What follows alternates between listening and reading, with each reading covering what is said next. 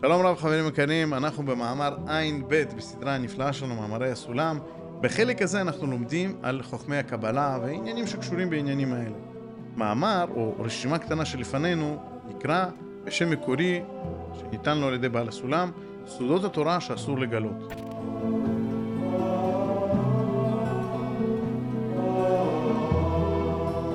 אז הנה, ככה אומר.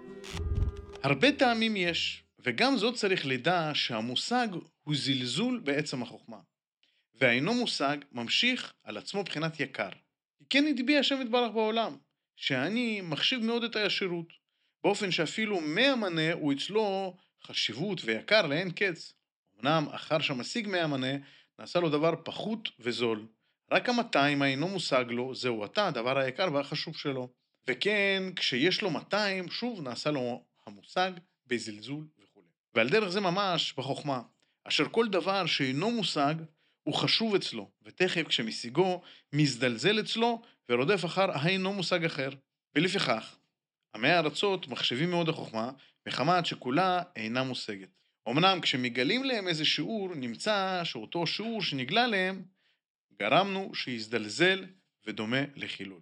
מה שאין כן, לחכמים מותר ודאי לגלות, מפני שמלאכתם בכך, לרדוף חוכמה כמו שרודפים אחרי הון וכסף. כשיש לו מנה, רוצה 200. ואדרבה, אף על פי שהדבר המושג נזדלזל, אמנם זה יגרום להם רדיפה אחר המושג אחר, ואבן. ומכאן יש לזכור, אשר כל העולם לא נברא אלא בשביל צדיק אחד, ואותו צריך לשמש ולהועיל, ודי למבין. וזהו שכתוב בהושע, צדיקים ילכו בם ופושעים ייכשלו בם ואבן. עד כאן. בואו ננסה להבין. אני מקבל הרבה פניות ששפה של בעל הסולם היא קשה וממש צריך לפרש את המילים, את מהלך המשפטים שלו. אז בואו נלך משפט משפט. הרבה טעמים יש למה? לסודות התורה שאסור לגול, לגלות. כן, יש הרבה טעמים שאסור לגלות, אנחנו רואים את זה במאמר גילוי טפח וכיסוי טפחיים, שאפשר לראות בערוץ היוטיוב שלנו, וזאת צריך לדע שהמושג, דהיינו הדבר שמושג אצלנו, היה בר השגה, עשינו תנועה והשגנו אותו, מושג.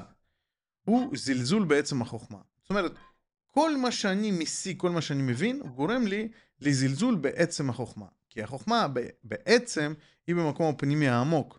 והעמוק, דהיינו המוסתר, זה אומר שטרם מושג. אז מה שמושג אצלי, הוא גורם לי לזלזל בחוכמה. והאינו מושג ממשיך על עצמו בחינת יקר. זאת אומרת, כל מה שלא מושג, כל מה שקשה להשיג, כמו לדוגמה היהלומים או זהב, אפילו שהקושי שבהשגה הוא אה, שרירותי או שהוא מהונדס, אז הדברים האלה, הדברים שהם נתפסים בעינינו כדברים נדירים, הם יקרים בעינינו. ככה זה מצד ההשגחה. אומר לנו פה בעל הסולם, כי כן הטביע השם יתברך בעולם. נתנו לנו את התכונה הזאת כדי שכל הזמן ירצה לפעול ולחדש ולחפש דברים חדשים. והדוגמה שמביא פה פשוטה מאוד. אומר, העני, מי שאין לו, אז גם 100 שקלים, בשבילו זה דבר מאוד מאוד יקר. אבל ברגע שהשיג את המאה, המאה האלה כבר פחות מעניינים, זה כבר לא, זה לא דבר שמביא לו סיפוק. ודאי שהוא רוצה יותר. בעניין הכסף אנחנו כולנו מכירים את זה. אומר, ככה זה גם בחוכמה. ויש פה איזושהי סכנה, שמצד אחד המנגנון הזה נועד והוטמע בתוך ההשגחה של הבורא, כדי שאנחנו כל הזמן נלך ונתפתח ונרוץ ונרצה עוד ועוד ועוד ועוד להשיג, השאיפות האלה. אבל יש סכנה, והוא אומר, אשר כל דבר שאינו מושג, דבר שלא ברור לי לגמרי, דבר שהוא מבחינת סוד בשבילי, הוא נחשב בשבילי דבר יקר.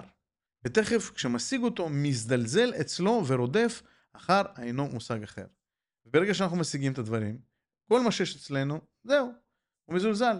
על כן צריכים לשים לב, הדברים שאנחנו מביאים לבית שלנו, דברים שאנחנו קונים, כל הדברים שאנחנו מייחלים להם, ברגע שאנחנו משיגים אותם, הערך של הדברים האלה יורד, אלא אם אנחנו כל הזמן משתמשים בהם בצורה של התחדשות.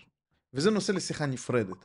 אבל צריכים לשים לב, אם אתם מחכים לאיזושהי חבילה מאמזון, הרבה זמן שתגיע, תדעו שברגע שהיא תגיע, הדבר יהיה מזולזל בעיניכם, כי הוא כבר בידכם.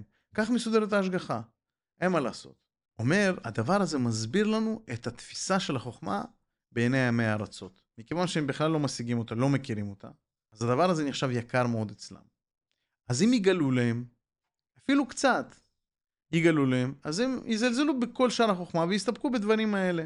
כמו שלמדנו במאמר הקודם על הקליפה, שלא מאפשרת לנו לחדור לעומק, שאומרת לנו, עזוב, לא צריך, לא, בשביל מה להתאמץ? מה שהבנת זה מספיק. אז בגלל זה לא מגלים לעמי ארצות את החוכמה. כי אם יגלו להם קצת, זהו, פתאום, אה, אני יודע את החוכמה. זה...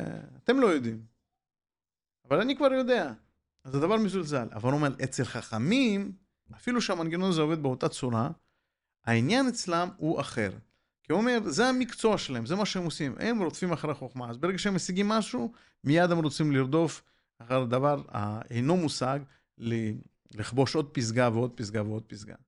כמו, מביא לנו דוגמה, וזו דוגמה מאוד מעניינת, צריך ללמוד מזה, כמו שקורה לנו עם הון וכסף. כי תשימו לב, את ההון והכסף אנחנו רודפים אפילו הרבה פעמים בצורה שהיא בלתי הגיונית.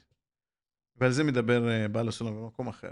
זה מאותו מנגנון, בדיוק אותו מנגנון פועל כאן, שאומרים לנו כל הזמן, הדבר שאינו מושג, הוא נחשק בעינינו, על כן אנחנו מגייסים את הרצון שלנו כדי לפעול בכיוון הזה, להיות פעילים, לזוז, להיות זריזים. כדי שנוכל ללמוד איך לעבוד ולפעול בחקר החוכמה, דווקא מהדברים החיצוניים האלה. ופה בסוף מביא לנו בעל הסולם איזשהו סיום שהוא לא, לא כל כך ברור איך לפרש אותו. הוא אומר, ובכאן יש לזכור אשר כל העולם לא נברא אלא בשביל צדיק אחד, ואותו צריך לשמש ולהועיל. ובכתב יד קודשו כתב על העניין הזה ככה: כדאי לו להשם יתברך לברוא ולקיים מלאכה גדולה ונוראה כמו כל העולם. גם רק בשביל ליהנות מאדם השלם האחד. ואין זה פליאה, כי אין הוויית העולם הנורא נחשב לטרחה להשם יתברך שיהיה ימדוד בחסר ויתיר בריבוי ומועט. ואם אנו מבינים שראוי לו לבורא יתברך לברוא שעל אדמה אחד בשביל בריאה אחת הגונה, הנה אפשר להבין שימציא אלפי אלפים עולמות בשביל בריאה אחת, כלומר, בשביל שאותה בריאה צריכה להם להשלמתם אותה. קודם כל בואו נבין את העיקרון הזה. אומר לנו בעל הסולם, שכל העולם יכול להיות סביבת פעולה, או מעין מכונה שמאפשרת אה, להגיע לאיזושהי הזדככות, או להגיע לאיזושהי שלמות של אדם. אומר מספיק שיהיה אדם אחד כזה, כי כנראה לא עניין בכמות, אלא שכל הפרטים וכל המערך שיש מסביב וכל העולמות, אם עובדים ומועילים, כמו שאומר בעל הסולם, משמשים ומועילים לאותו הצדיק, לאותה בריאה המפותחת, אז הם נהיים חלק ממנו, נמשכים איתו אה, כלפי אותה מטרה, מטרת הבריאה או מטרת העבודה שיש לנו בעולם הזה, שאותה צדיק ממלא, שאותה בריאה מושלמת ממלאה. אני מניח שיש פה הרבה מאוד השלכות שצריך ללמוד על העניין הזה, כי אני רוצה לקשר את זה פה למאמר, ונראה לפרש את זה בשתי צורות. אחד, אם אנחנו, בתור חכמים אמיתיים, נמצאים כל הזמן במציאות שאנחנו רודפים אחרי החוכמה, רודפים, משיגים, מזלזלים, רודפים אחרי עוד דבר, וכך הלאה. אז ודאי אנחנו חסרים בעניין הזה, מחד.